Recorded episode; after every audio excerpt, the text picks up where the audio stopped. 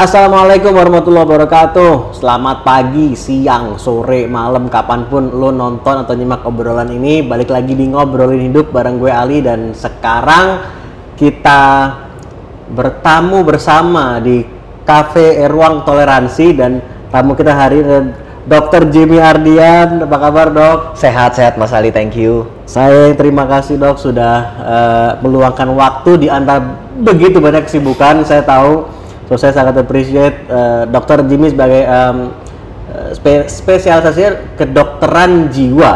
betul, dok, ya? betul betul. Dan ini uh, menarik banget. Um, saya pertama kali, uh, jujur pertama kali dengar waktu itu pas uh, dengerin uh, podcast uh, dokter di Inspigo dari yang bicara tentang uh, happiness, happiness, yes. ya, kemudian bicara tentang apa forgiveness, memaafkan, forgiveness, yeah. dan itu juga luar biasa kalau lo belum dengar dengerin itu keren banget, dua-duanya keren banget.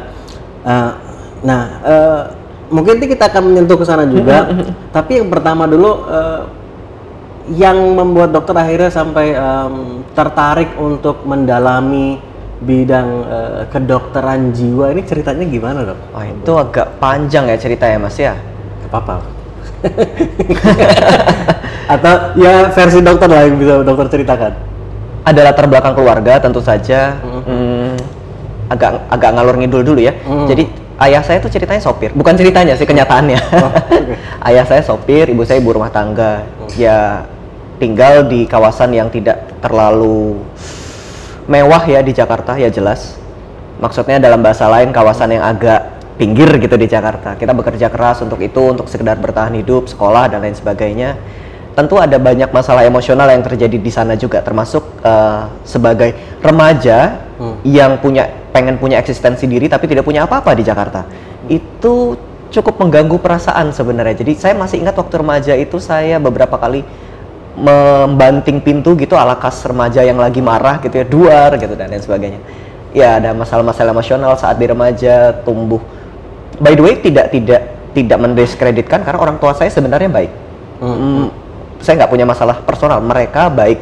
Saya hanya merasa dalam perkembangannya ada banyak masalah emo emosi yang saya alami. Hmm. Terlepas bahkan saya nggak ngerasa ada pola pola asuh yang bermasalah di sana. Uh, kebetulan kemudian saya cukup berprestasi kebetulan loh ya. Itu berprestasinya memang kebetulan-betulan. Kebetulan tuh artinya uh, bertahun gitu. Ya dengan kerja keras dan sedikit keberuntungan gitu. Ah oke. Okay. soalnya orang kadang suka bilang gitu loh dok. Kebetulan saya menjabat ini padahal sebetulnya nggak kebetulan juga dia ada proses benar-benar ada sedikit keberuntungan dan banyak kerja keras di sana. Iya. yang kalau disederhanakan kebetulan memang terlalu sederhana. Kayaknya saya masuk kedokteran. Nah di dalam dunia kedokteran sendiri um, banyak perspektif tentang organ. Maksudnya jantung dipandang sebagai organ jantung, paru dipandang sebagai or organ paru gitu. Um, tapi kita lupa ada sesuatu yang tidak berbentuk yang sebenarnya menggerakkan orang yang sakit jantung buat minum obat atau untuk bergerak ke perilaku yang lebih sehat hmm. atau orang dengan misalnya penyakit dalam sakit gula yang kemudian dia harus merubah perilakunya. Hmm. Ini ini siapa yang memberitahukan informasi? Nggak mungkin. Semua orang tahu dari awal kita udah harus hidup sehat, tapi seberapa banyak yang hidup sehat? Semua hmm. orang tahu misalnya kita harus menabung, tapi seberapa banyak yang menabung? Pengetahuan itu nggak mengubahkan. Ada sesuatu di dalam yang yang berbeda yang perlu disentuh juga. Itu awal mula saya tertarik juga dengan kedokteran jiwa. Walaupun tentu ada cerita lainnya ya kemudian saya belajar banyak course di situ. Saya ingat waktu per pertama saya belajar hipnoterapi tahun 2008 apa 2009 belajar gitu. Belajar apa? hipnoterapi. Oh, 2008 2009 belajar tools lain mulai dari NLP dulu kan ngetren hmm. kan di tahun-tahun itu ya. Hmm. Terus ya ke ke sini ke sini juga masih banyak yang practitioner ya tapi belajar semakin banyak kognitif behavior terapi bla bla bla bla. Yeah. ini kalau disebutin sampai besok. Ya itu banyak banget. Ya intinya saya belajar banyak di sana dan menemukan eh, ada ada banyak perspektif di sini. Ada ada banyak hmm. tools untuk membantu.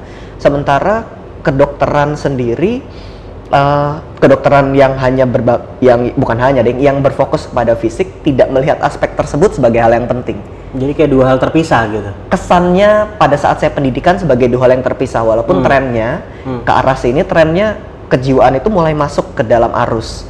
Hmm. Itu waktu awal saya 2007-2008 tuh kayak disisihkan gitulah, nggak keren. Apakah karena asik, semakin gitu. banyak hasil penelitian yang semakin ya. menunjukkan apa keterkaitannya atau? Akhir-akhir ini memang penelitian uh, nama kerennya psikoneuroimunologi, kaitan antara psike, jiwa dengan sistem saraf neuron dan proses imun tubuh, tambah lagi endokrinologi dan hormon-hormon itu penelitiannya papernya makin lama makin banyak. Jadi dokter juga makin melihat bahwa ah, enggak enggak jiwa itu bukan cuma obrolan emosi. Emosi iya, cuman impactnya tuh real ke tubuh ada. Jadi itu juga perlu disentuh.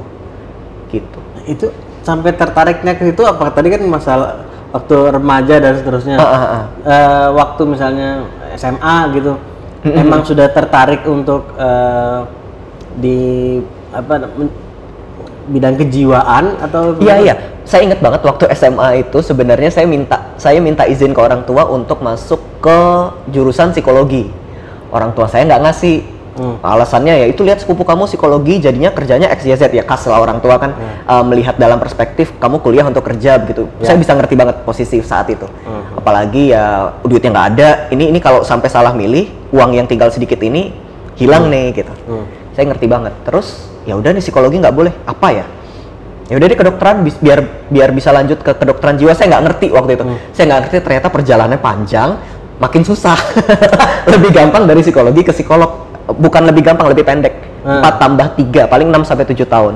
Untuk jadi psikiater 6 tahun dokter satu tahun masa eh, intern 7 tahun 4 tahun masa pendidikan spesialis. 10 sampai 11 tahun.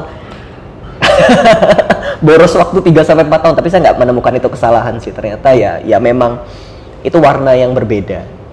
Dan em, eh, kalau boleh saya tanya juga ini mungkin agak personal juga tapi saya pernah baca atau pernah lihat saya lupa jujur eh, bahwa dokter sendiri dulu juga sempat mengalami eh, Iya, masa-masa iya.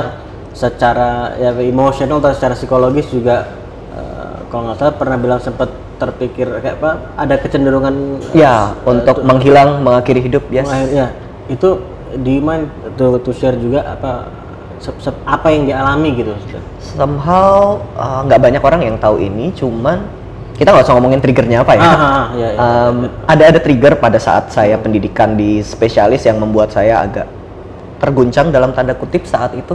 Jadi ini setelah ini pa- pada masa kuliah gitu. pada masa kuliah ini pada Ah, masa ah, kuliah. Em, ya sebelumnya juga ada cuma yang terakhir yang saya bicarakan waktu di YouTube itu pada masa kuliah. Atau ini referensi yang lain ya tapi nggak apa-apa. Pada masa kuliah itu kemudian eh, saya menjadi sulit untuk melanjutkan tesis. Kesulitan sekali. Eh, terpikir untuk ya udah deh ini cuti dulu atau ya ya udah gitu. Tapi ya akhirnya terlewati juga. Dan beberapa kali sebelumnya juga saya mengalami periode-periode serupa. Em, yang nggak banyak orang ketahui depresi itu berulang. Itu kayak penyakit kambuhan. Itu eh, ada tendensi genetik beberapa orang yang yang memang terlahir seperti itu lebih rentan terhadap penyakit tertentu ada yang lebih rentan terhadap penyakit gula misalnya Hmm. hipertensi misalnya saya kebetulan punya privilege untuk depresi yang oh, ber- oh, genetically gitu maksudnya. genetically inherit oh, oke. Ah, ah. Oke.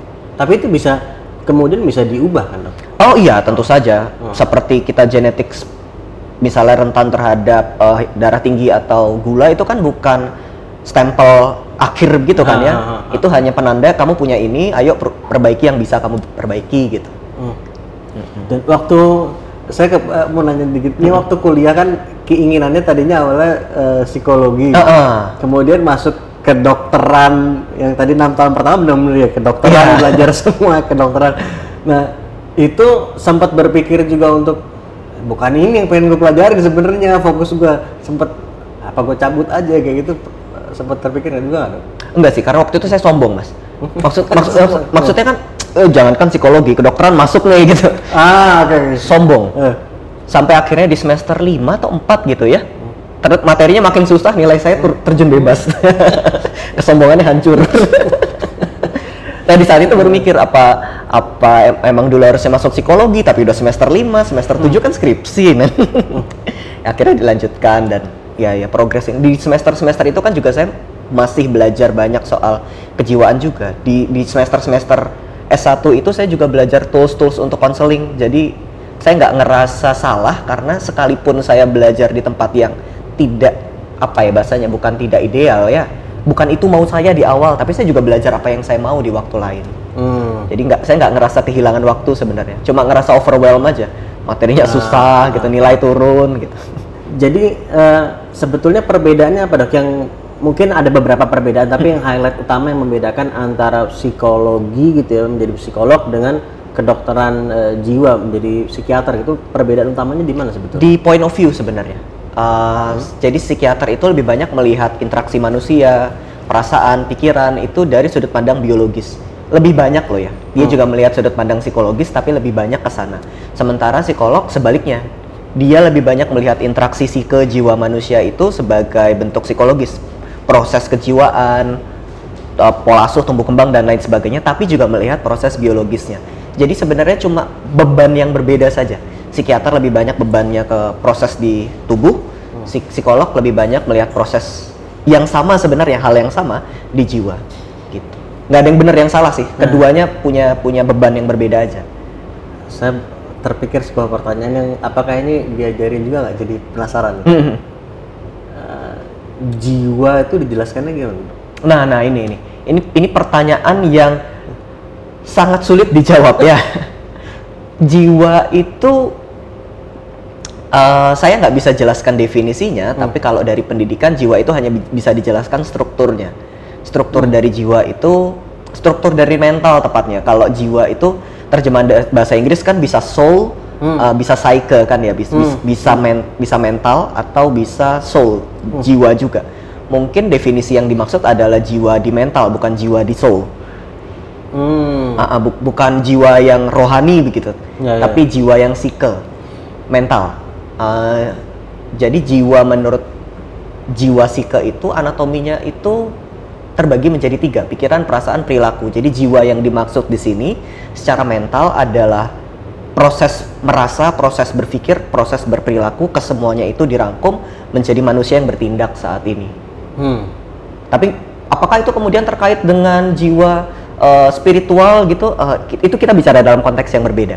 Tentu spiritualitas mempengaruhi jiwa, tapi bukan itu subjek eh, utama yang dilihat dalam psikiatri dan psikologi. Gitu. Karena yang dimaksud psikiatri psikologi kan psikenya ya, Ya, ya. bukan spiritualnya. Walaupun itu juga dinilai. Ada ada ada irisan juga. Ada gitu irisannya ya. juga betul betul. Karena itu, itu kayaknya eh, memang ada pertanyaan-pertanyaan yang ya mungkin belum sampai sekarang belum sepenuhnya terjawab secara saintifik mungkin gitu ya. Betul betul. ha-ha. Eh, saya salah itu penasaran juga saya kayak kayak dalam bahasa Inggris misalnya eh, heart itu kan hati Mm-mm, eh, atau mm-mm. jantung sorry. Jantung. jantung gitu kan tapi kan kita juga sering ya in your heart itu kita menerjemahkan di dalam hatimu gitu Iya, kan. iya. Eh, kayak- sebetulnya kalau yang em, dalam bahasa Inggris bisa ada your heart and your brain gitu kan. Eh, kan banyak ketika membahas hal yang sifatnya psikologis pun eh, membicarakan mengenai apa how to align menyelaraskan antara your heart and your brain terjemahan antara hatimu dan apa otakmu atau pikiranmu gitu.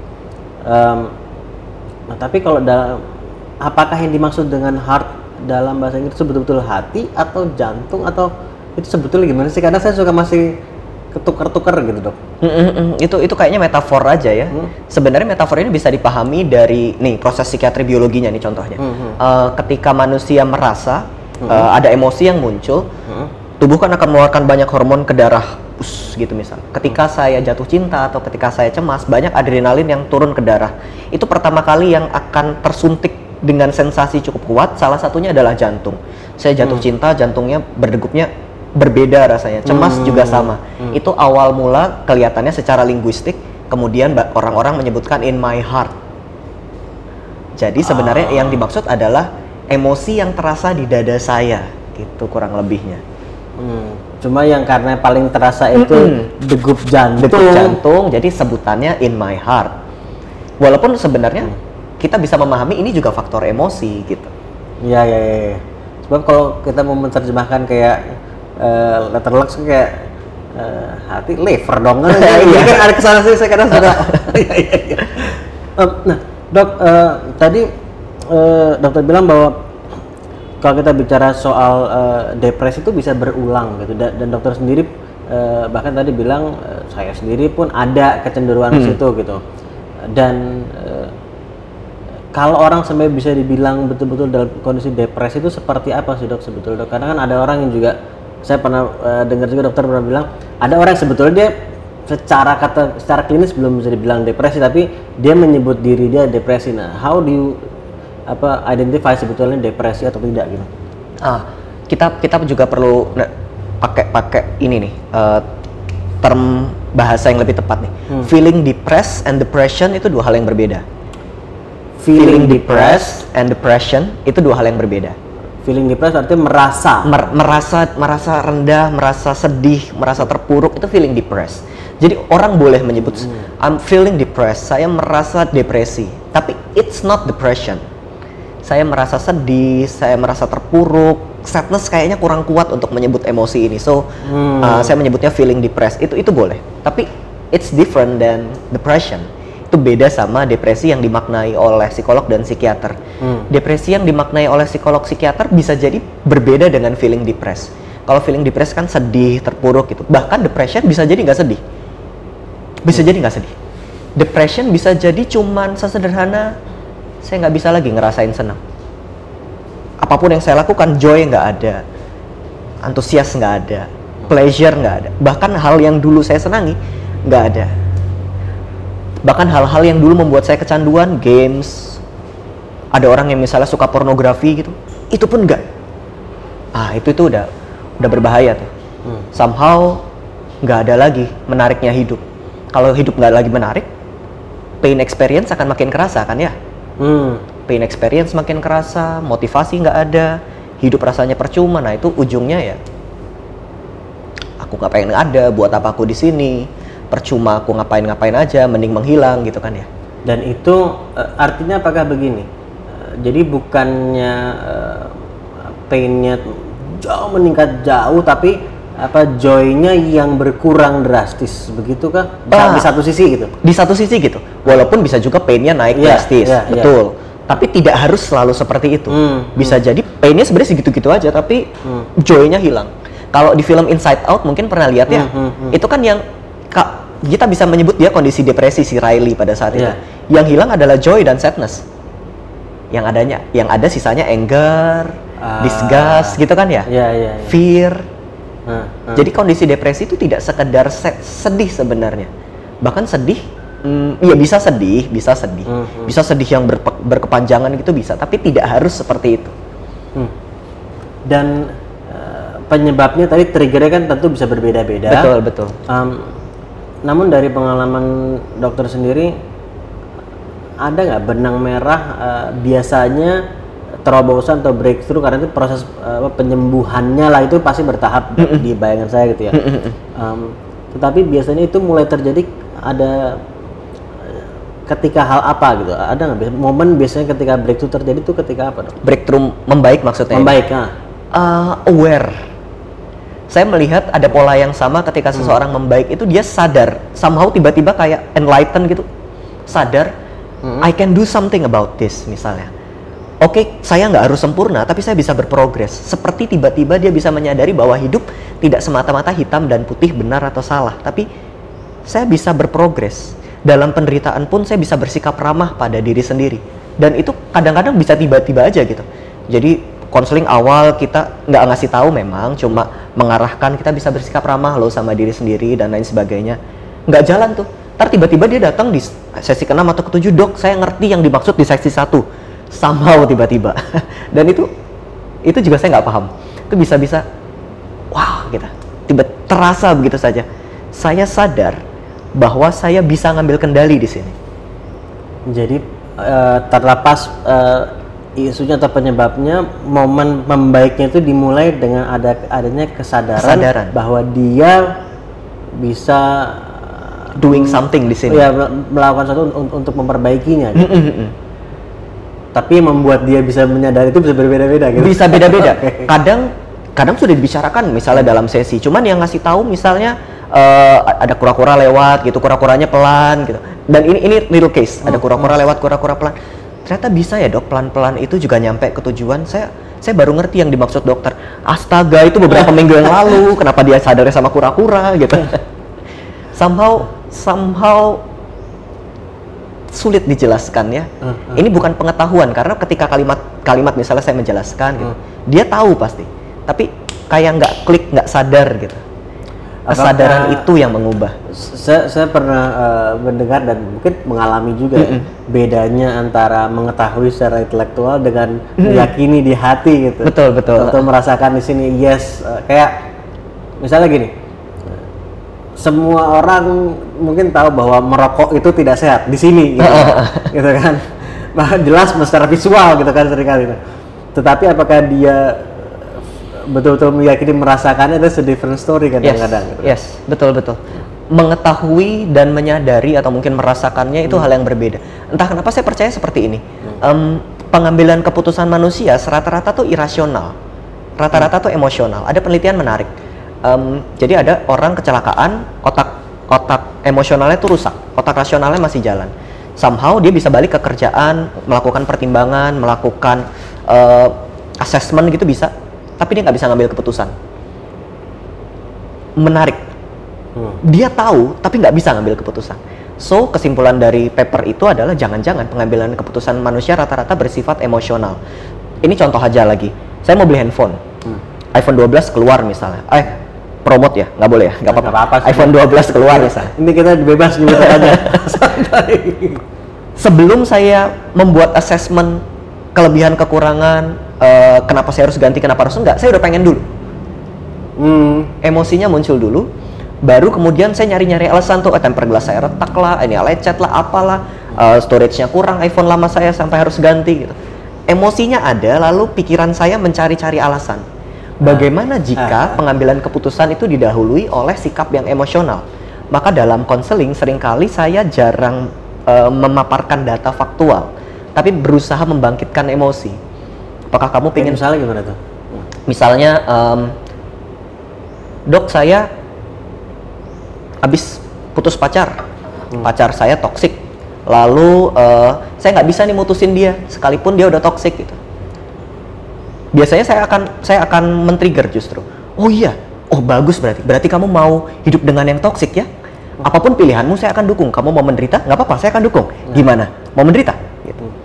Terus, oh enggak dok, saya maunya baik-baik aja. Oh, apa yang kamu butuhkan buat baik-baik aja? Oh iya, saya tahu saya harus putus misal. Oh, tadi, tadi katanya nggak bisa putus, sekarang harus putus. Mana yang mau kamu pilih? Apa pun pilihanmu akan saya dukung. Kamu mau memilih menderita karena toksik atau menderita karena putus? Hmm. Biasanya mulai mikir lagi. Hmm. Sebenarnya seseorang tahu kok keputusan mana yang logis, tapi tidak ada emosi yang mendorong ke sana. Maka kita hmm. perlu perlu mendorong sisi emosi ke uh. tempat lainnya begitu. Itu pendekatan saya rata-rata. Walaupun akhirnya memang akan saya jelaskan secara kognitif strukturnya, tapi saya tahu itu aja nggak mengubahkan. Biasanya saya akan iseng nakal gitu. Hmm. Apa pun pilihanmu saya dukung gitu. Kamu menderita, ayo, ayo menderita bareng gitu. Hmm. Jadi kayak um, dia sudah uh, merasakan uh, menderitanya putus, mm -mm. tapi uh, menderitanya berada dalam hubungan yang toksik itu baru di sini tapi belum di sini belum gitu di kan? sini ya saya yeah, saya hanya men-trigger emosi-emosi yeah, lain yeah. yang yang kira-kira bisa membantunya. Yang sebenarnya saya juga nggak tahu. Emosi apa yang dibutuhkan? Kadang dia bisa dapatkan itu di luar tapi somehow saya perlu perlu memberikan trigger. Karena kalau enggak emosi yang sudah ada akan mendorong ke perilaku yang sama terus. Hmm. kita butuh emosi lain untuk menggerakkan ke perilaku lain. Uh, saya mau kembali lagi nih hmm. uh, ke perjalanan dokter sendiri nih. Waktu um, pertama kali mungkin pasien-pasien awal gitu dok, uh, ada rasa takut nggak sih dok? Ini kan ini kan sesuatu yang sifatnya ini hidup orang nih gitu kan. Uh, apa ya kita niatnya membantu tapi ada nggak rasa takut saat pertama kali apa uh, handling uh, pasien-pasien gitu? Saya ingat banget guru saya pernah berkata seperti ini. Dokter belum belajar kalau pasiennya belum dibunuh dalam tanda kutip Wah itu statementnya ini banget. Statementnya keras banget. Ya. Statementnya keras banget. Itu uh, isinya adalah dokter-dokter muda baru masuk uh, ke rumah sakit dia ngomong kayak gitu kan. Dokter muda dengan idealisme dan kesombongannya kan marah ya. Apa-apaan ini? Dokter kan menyelamatkan gitu. Tapi yang dimaksud adalah somehow kamu nggak bisa nolong semua orang. Kamu terlambat berlari ke IGD yang sebenarnya nggak ada yang salah. Hmm. Misalnya kamu ada ada empat pasien gawat darurat sekaligus. Hmm. Somehow kamu nggak bisa ngerjain empat empatnya akan ada waktu di mana kita terlambat berlari dan ada orang meninggal dan terbunuh dalam tanda kutip. Hmm. Itu menyakitkan. Saya beberapa kali ngalamin kejadian kayak gitu. Itu membuat saya harus ke toilet dan menangis di toilet menyalahkan diri sendiri walaupun sebenarnya nggak ada yang salah Em, ya dunia nyebelin ya nggak butuh ada yang salah untuk kesalahan terjadi Hmm. ya jadi menakutkan di awal tapi somehow guru saya udah ngingetin itu akan terjadi. Kita nggak bisa menyelamatkan semua orang. Dan eh, ketika itu betul-betul terjadi kan mungkin tetap akan Iya. rasanya kan akan tetap berantakan rasanya betul. Tetap ke toilet nangis breakdown kembali cuci muka seakan habis cuci muka doang padahal habis nangis.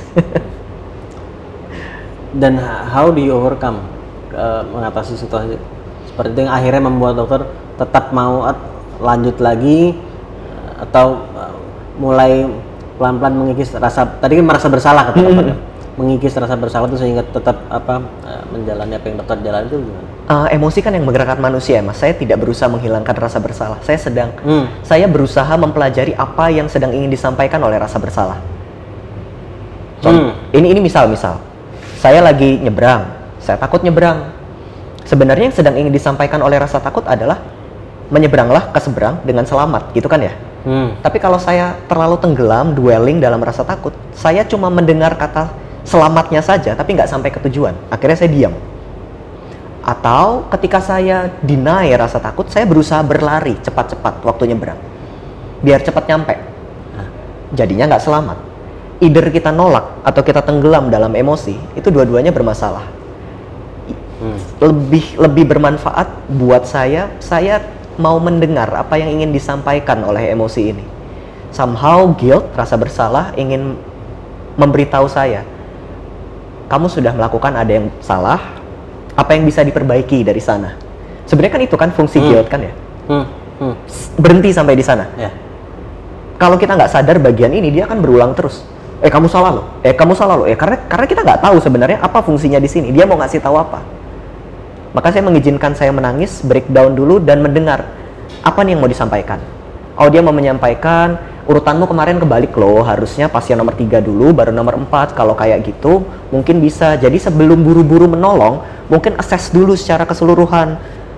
Oke mungkin begitu ya. Oke next time finish. Titik.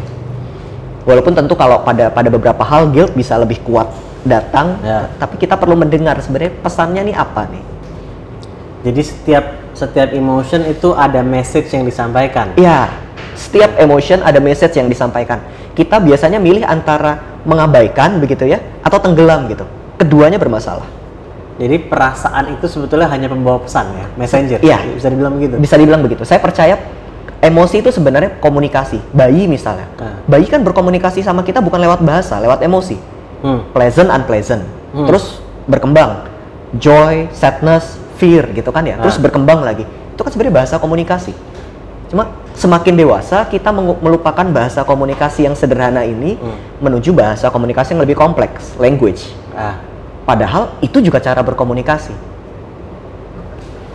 bisa nggak saya bilang begini? Ini, menarik nih. Em, eh, saya mencoba relate dengan sesuatu yang pernah saya baca juga. Jadi kalau perasaan itu adalah pembawa pesan, ya, eh, berarti ya udah kita berterima kasih sama yang ngasih pesan.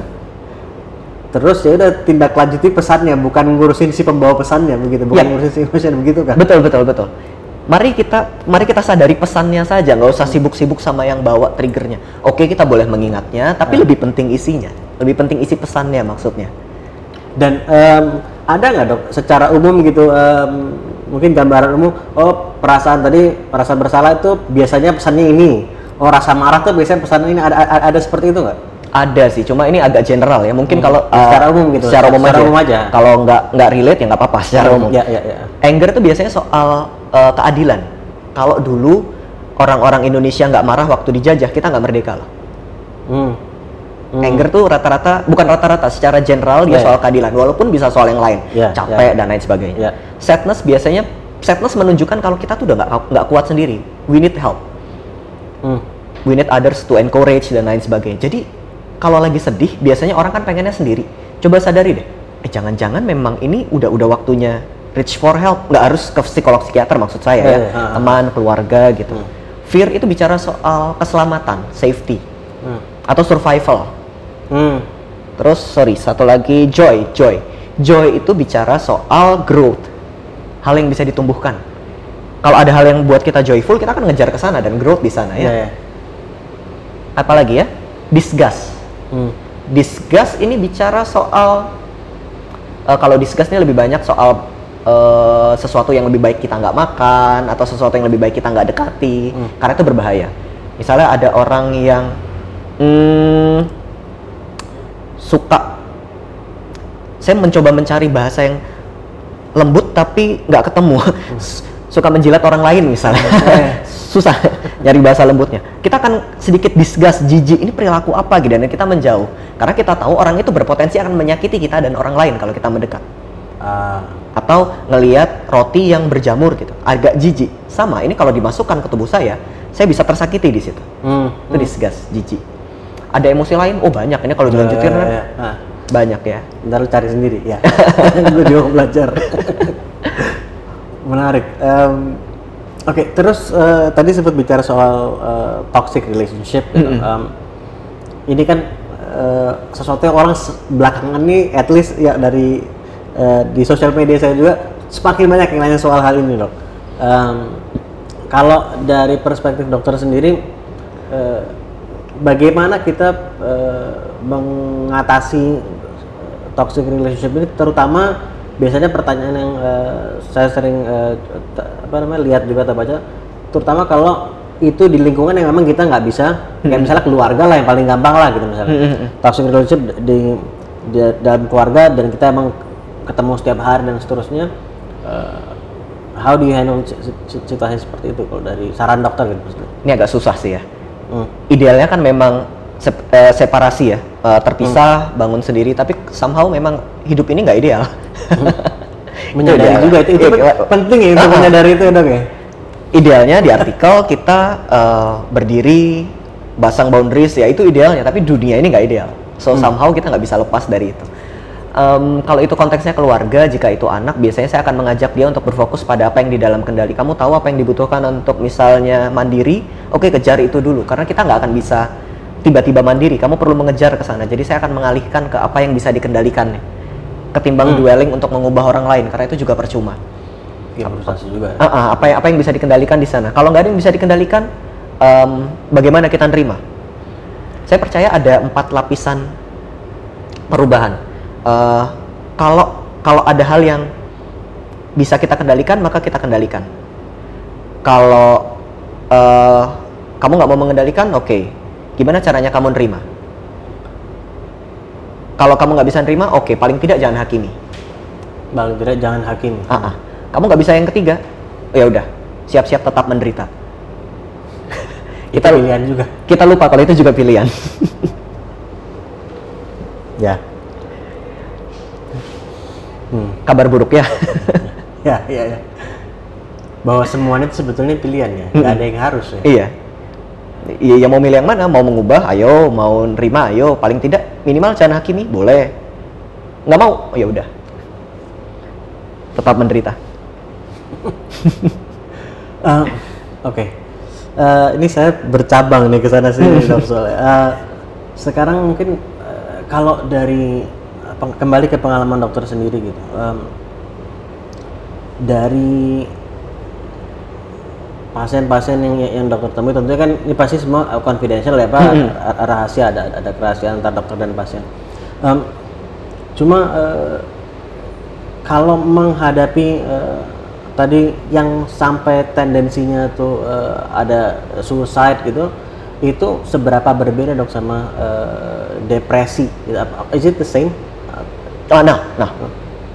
Memang depresi, memang suicide sering dikaitkan sama depresi, but it's not. It's not. Somehow suicide itu terlalu luas untuk diklasifikasikan dalam satu diagnosis tertentu. Karena o- orang dengan bipolar bisa pengen suicide, orang dengan depresi bisa pengen suicide, skizofrenia. Ini kalau disebutkan sampai besok nih. Nah, Semua orang bisa suicide jika painfulnya terlalu besar. Uh, suicide bisa dimaknai seperti ini. Semua orang kan pengennya hidup ya. Kita punya naluri untuk bertahan hidup. Hmm. Satu-satunya yang bisa mencabut naluri tersebut adalah jika hidup terasa terlalu sakit.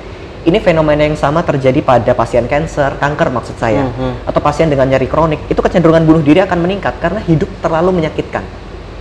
dan otak manusia nggak bisa membedakan antara nyeri fisik dan nyeri emosional. Itu regio Hmm. otaknya sama. Hmm. Jadi yang mempersepsikan nyeri fisik dan reg- eh, nyeri emosional di otak tuh sama. Bagian otak yang sama. Bagian otak yang sama. Itu kenapa nyeri emosional yang intens akan mendorong manusia untuk pertama pengen menghilang dulu, belum pengen bunuh diri, pengen menghilang. Kedua, pengen mati, tapi nggak pengen bunuh diri, pengen mati aja gitu. Yang ketiga, Bedanya apa dok? Sorry dok. pengen menghilang tuh ya pengen Pengen, pengen mati tapi nggak pengen bunuh diri itu bedanya apa? Iya, gimana kayak tahu-tahu mati gitu. Tahu-tahu kecelakaan. Oh, tahu-tahu jadi tapi bukan dia membunuh bukan diri saya gitu. Oh, bunuh diri. Paham, pengen mati aja. Ah. Yang ketiga, kepikiran buat bunuh diri tapi nggak pengen buat bunuh diri. Nah, mulai nih, mulai labil. Pengen tapi nggak pengen. Nah, yang keempat baru perencanaan bunuh diri. Sebisa mungkin buat yang nonton videonya mungkin ya. Hmm. Kalau nomor tiga, udah kita udah mulai pengen bunuh diri walaupun nggak pengen bunuh diri. Ini tuh udah warning sign besar-besaran ini sebenarnya. Hmm. Ini ini udah nggak bisa udah nggak bisa dihandle sendiri, nggak mungkin. Kalau sampai naluri untuk bertahan hidup sampai bisa kita ragukan, it must be something. Ini jadi kita banyak bicara soal apa? eh, tadi ya pain lah ya. Pain, pain. Nam- nama nama kerennya psych age. Kita kenal ada headache, sakit kepala, Hmm. stomachache, sakit perut. Ini psych age. Psyche ah. itu yang yang sakit itu. Jiwa yang sakit, nyeri tepatnya. Hmm, ah. hmm. Dan eh, di situasi-situasi tertentu ada eh, juga orang yang setelah melalui pernah melalui fase-fase yang menyakitkan tadi, nyeri sekali gitu jiwanya gitu ya. Em, kemudian setelah eh, eh, kemudian mulai membaik, justru juga em, bisa memanfaatkan kejadian tersebut Iya. sebagai source of strength yang luar biasa juga gitu. Betul, betul. Dan mungkin dokter sendiri juga pernah mengalami gitu kan. Iya, saya percaya eh, pengalaman buruk yang terbesar adalah gurumu yang terbaik. Saya percaya lubang yang dalam itu justru sumber resources yang sangat besar kalau kita bisa lalui. Kalau kita bisa lalui. Notes, highlight. Bisakah kita melalui? nah itu pertanyaan besar. Bisakah kita melalui? Atau kalaupun nggak kita bisa melalui dalam term kita di sini, ya ini nggak harus sendiri. Apakah saya dan keluarga, Hmm. saya dan support system, saya dan lain-lain bisa melalui? Gitu. Dan em, kalau nyambung sama apa yang dokter bilang tadi, kan di benang merahnya tadi salah satunya polanya dimulai dengan menyadari bahwa dia bisa Hmm. mengubah. Jadi eh, bener nggak kalau saya bilang eh, sebetulnya bisa, tapi dia menyadari apa enggak gitu? Apakah begitu? Saya percaya semuanya bisa, tapi ki- apakah kesadaran tersebut muncul atau tidak? Hmm. Membangkitkan kesadaran ini susahnya bukan main. Tapi saya percaya semua orang bisa. Amin, ya bisa, cuman gimana kita bawa kesadaran ke sana? Gimana kita ini ini bahasa guru saya. Gimana kita bisa membawa lampu ke objek tersebut, si kesadaran untuk bangkit. Karena sebenarnya dia ada, tapi dia gelap. Gimana cara bawa lampu ke sana? Bahasanya guru saya. Hmm. Membawa lampu sehingga muncul kesadaran itu menjadi terang. Karena kalau lagi gelap kan semuanya nggak kelihatan, gelap aja gitu. Dunia gelap, masa depan gelap, masa lalu gelap, sekarang gelap. Padahal enggak. Ada sesuatu di sana. Dok, saya nanya dok, Eh, apakah eh, eh, membantu pasien dalam hal kejiwaan ini, is this one of your passions? Ya, I love it. Hmm? Jadi kalaupun lagi capek, saya sebenarnya suka-suka aja. Kalau ditanya capek nggak? Capek banget. Jadi katanya kerjalah sesuai passion biar nggak capek. Bohong, saya capek banget. Tiap malam saya minta dipijit, gitu capek. Tapi saya suka. Eh, dan eh, apa yang membuat dokter menemukan ke- kecintaan pada hal ini gitu? Hmm, Kalau di- tadi bilang dari SMA sudah ya ya. eh, sudah punya keinginan ke sana gitu. I don't know. It's it's kinda sense of helping someone. Kayak menolong itu sesuatu yang menarik gitu rasanya. Seperti semacam saya bisa melihat hal baru setiap hari, eh, insight baru setiap hari yang nggak boleh diceritakan. Tapi kalau diceritakan, percayalah, semua orang pengen jadi psikiater jadi. Nggak mungkin nggak semua, banyak. mungkin teman-teman dok, teman-teman dokter muda di sini yang, oh keren eh, bedah gitu ya, nolong orang, nyelamatin nyawa orang, atau eh, spesialis jantung nyelamatin nyawa orang. Nggak, psikiater juga nyelamatin nyawa orang. Yang sayangnya nggak bisa diceritain Karena very confidential. karena confidential. It's something yang yang nggak bisa nggak bisa diceritakan proses perubahannya yang cantik tadi. Tapi cantik sekali dan setiap melihat switch dari yang nggak punya harapan mereka berharap dari yang tidak bekerja sama sekali karena dia merasa nggak mampu tiba-tiba memulai karya awalnya lagi itu tuh Hmm. men ini nggak bisa di- dikasih dipakai obat ini Hmm, hmm. ini interaksi yang luar biasa sekali Kalau eh, saya nggak tahu ini eh, boleh atau nggak ditanyakan ya. em, dari tan- tentu tanpa menyebut nama gitu ya. Is it okay to ask misalnya apa, eh, mungkin eh, kondisi tertentu yang yang pernah dokter eh, handle yang tadi kemudian yang sampai tadi menghasilkan kepuasan tadi yang luar- menyelamatkan nyawa juga gitu. Yang mungkin yang cukup berat gitu, yang yang mungkin sangat menantang dalam tanda kutip untuk dokter untuk prosesnya gitu.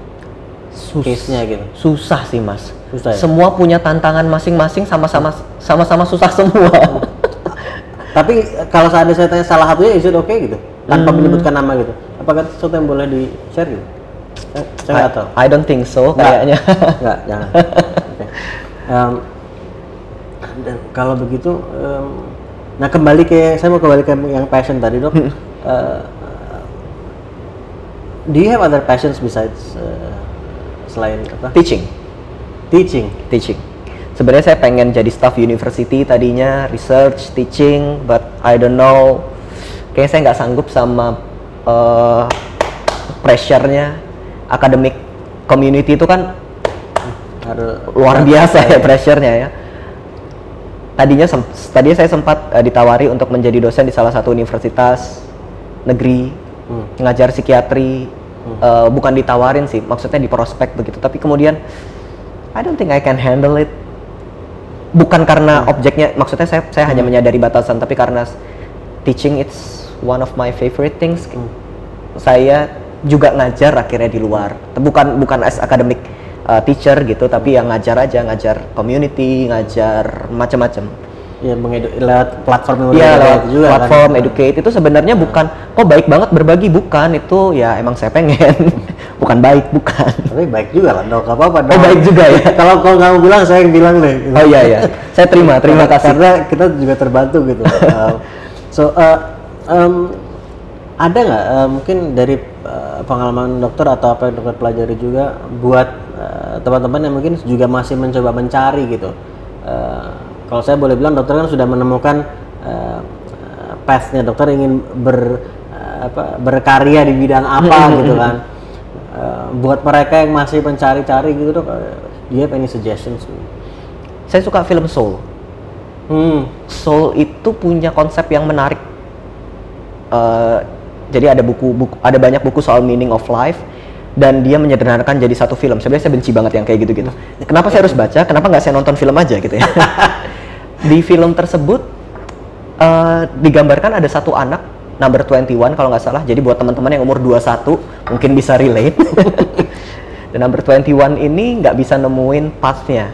Dia nyoba banyak hal, tapi nyobanya dalam eh, imajinasinya saja nggak ketemu akhirnya dia terjun masuk ke tubuhnya mengerjakan sesuatu dari sana dia bis- baru bisa tahu ada joy dalam hal yang bisa yang dia lakukan even the small things Hmm. so buat yang kehilangan path menurut saya nggak usah dicari di pikiran. Hmm. do. Lakukan beberapa hal kita akan tahu di bagian mana yang yang ini lebih membakar saya rasanya. Karena kalau cuma mikirin "Em, ini kayaknya nggak deh itu kayaknya nggak deh dipikirin semuanya nggak kok jadinya. Do. Lakukan ba- baru rasakan bener nggak? betul lakukan baru rasakan. Jangan jangan cuma berasumsi kayaknya ini nggak kayaknya kelamaan. Do. Cobain banyak hal dan nanti kita tahu ke mana arahnya. Dan berarti kalaupun ternyata setelah dilakukan itu tidak eh, menghasilkan rasa seperti kita inginkan, itu pun juga jawaban berarti. iya itu pun feedback nggak apa-apa oh berarti bukan itu saya cari yang lain Hmm. Jadi mau proses mengkerucutkan juga gitu ya. betul betul Eh, nah, kalau ke depannya dok, em, what is your apa aspirasi dokter ke depan? Eh, sekarang kan tadi oke mulai mengajar, mengedukasi di berbagai macam platform yang berbeda-beda, kemudian juga eh, tetap eh, praktek juga sebagai dokter juga. Eh, tapi ada ada impian juga nggak dok ke depan? ada ada ada ada banget Mas. Saya, saya, dengar semangat saya terus saya excited banget, ada Iya. banget ya. Em, saya percaya sebenarnya orang yang butuh bantuan untuk ke psikiater psikolog itu banyak, tapi barriernya juga banyak. Pergi ke ruang psikolog psikiater itu mengerikan sulitnya. Eh, bikin session, bayar, ini gampang. Yang lebih sulit dengerin omongan orang, dikatain, stigma yang menghambat itu luar biasa susahnya. Jadi saya pengen membawa ruang praktek ke masyarakat. Saya pengen membuat grup terapi di masyarakat. Saya pengen pengen mendekatkan barrier ini. Tapi nggak mungkin person to person karena ruang praktek harus eh sorry karena konsultasi itu harus person to person. Saya jadi pengen bikin grup grup yang bisa eh, punya tools-tools penting untuk kita melewati fase-fase sulit, stres kehidupan, perpisahan, kesulitan komunikasi di dalam bentuk compact group dan saya mau jalankan itu di tahun ini. Saya pengen Indonesia juga mempunyai program ini. Ada program eh, yang di secara ilmiah teruji di University of Massachusetts. Itu mindfulness based stress reduction. Di mindfulness based stress reduction. Di Indonesia teachernya baru dua saya salah satunya.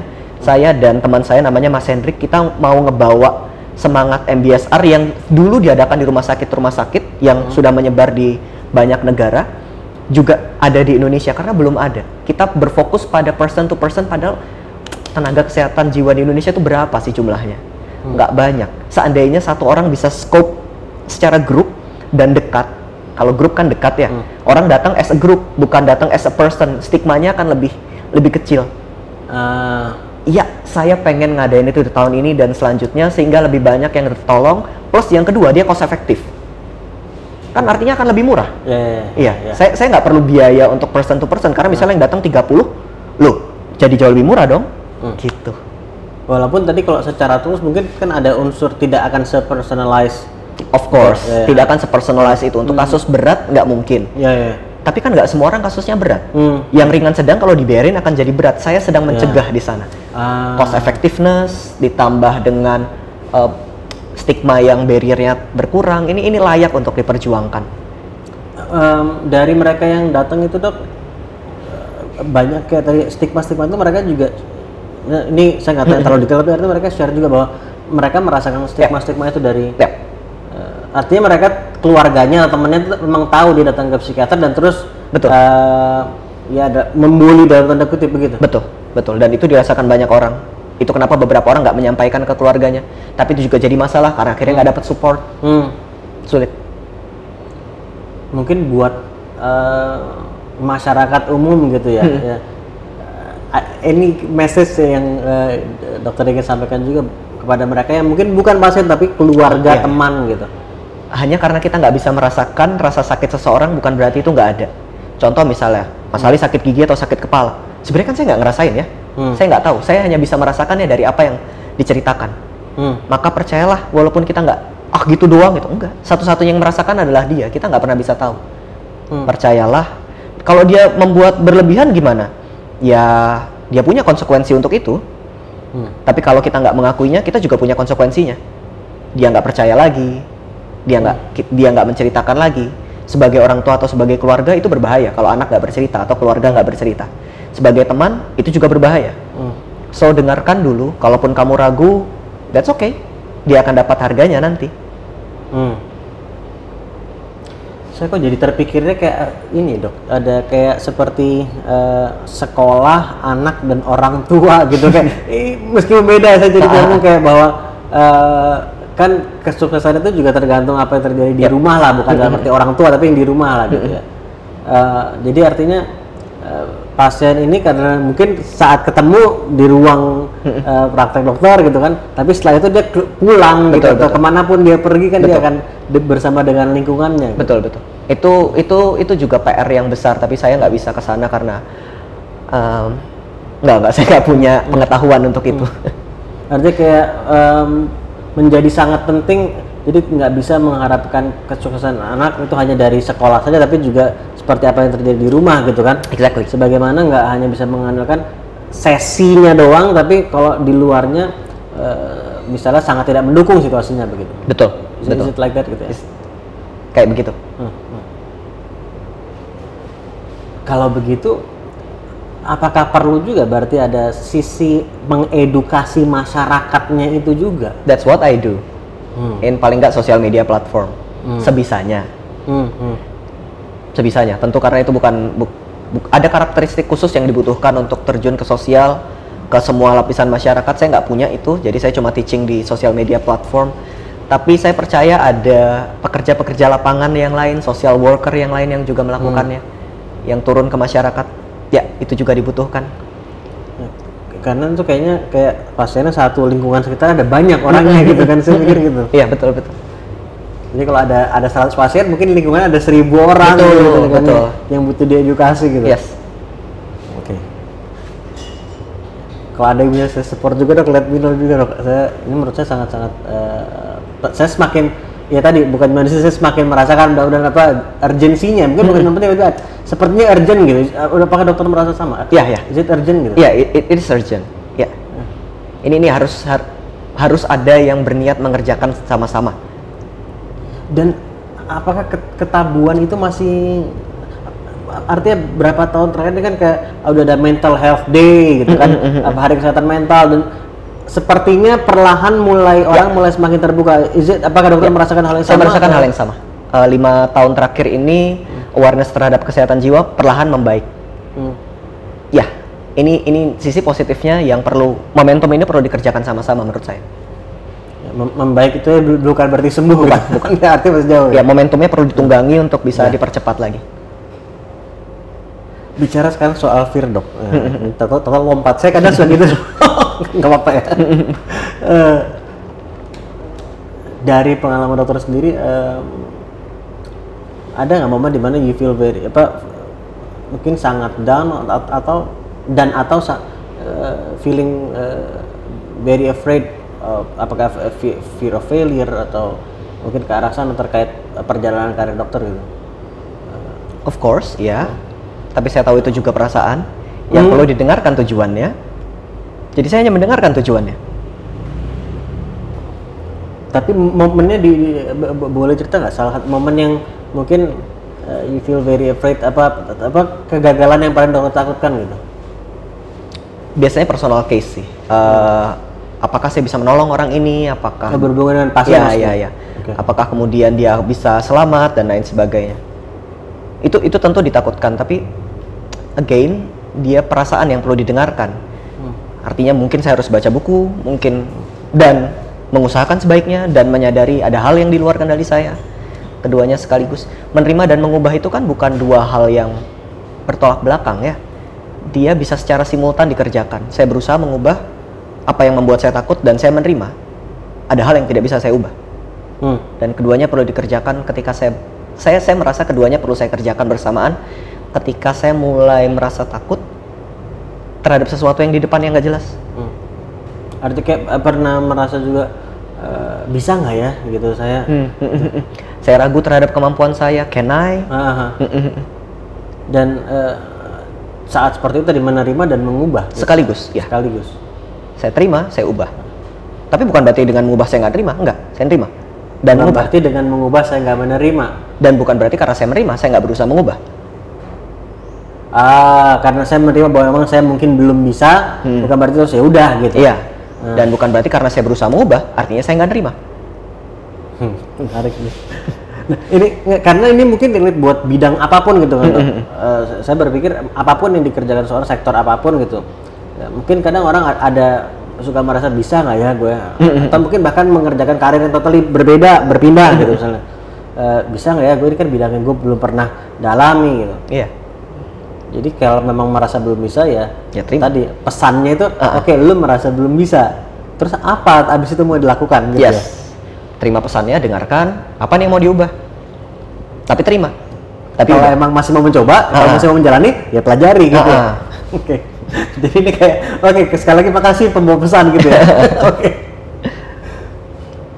Kalau em, eh, ini mungkin beberapa pertanyaan terakhir deh. Em, saya suka nanya tentang em, tentang failure tadi juga sebetulnya. Em, kalau eh, dari perspektif eh, dokter, how do you see failure in general gitu, philosophically lah gitu.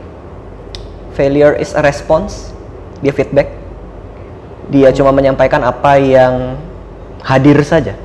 Dan sering kali failure tuh menurut saya di luar kendali saya kok. Yang di dalam kendali saya adalah usahanya. feedbacknya apa yang hadir ya saya terima sering kali eh, seseorang tuh berusaha mengendalikan keadaan bukan mengendalikan apa yang bisa dikendalikan. Hmm. outputnya yang berusaha dikendalikan. Padahal output itu kan ya cuma feedback dia cuma respons how we respond to response nah itu yang lebih penting. Tapi apakah kalau begitu saya nggak tersakiti sama failure? Saya tersakiti sama failure. Ya tetap sedih. Hmm. tapi lagi-lagi dia cuma pembawa pesan. Dengarkan dan berespon terhadap itu kegagalan bukan sesuatu yang menakutkan. Tapi kalau kita menempatkan kegagalan tadi as a personal being bukan sebagai respon tapi sebagai saya bukan hasil dari usaha saya tapi sebagai saya sebagai sayanya bukan hasil dari usaha Aha. itu yang bikin sakit. Kalau kita bisa ngelihat itu sebagai sesuatu yang distance berjarak gitu ya Ya. itu usaha saya.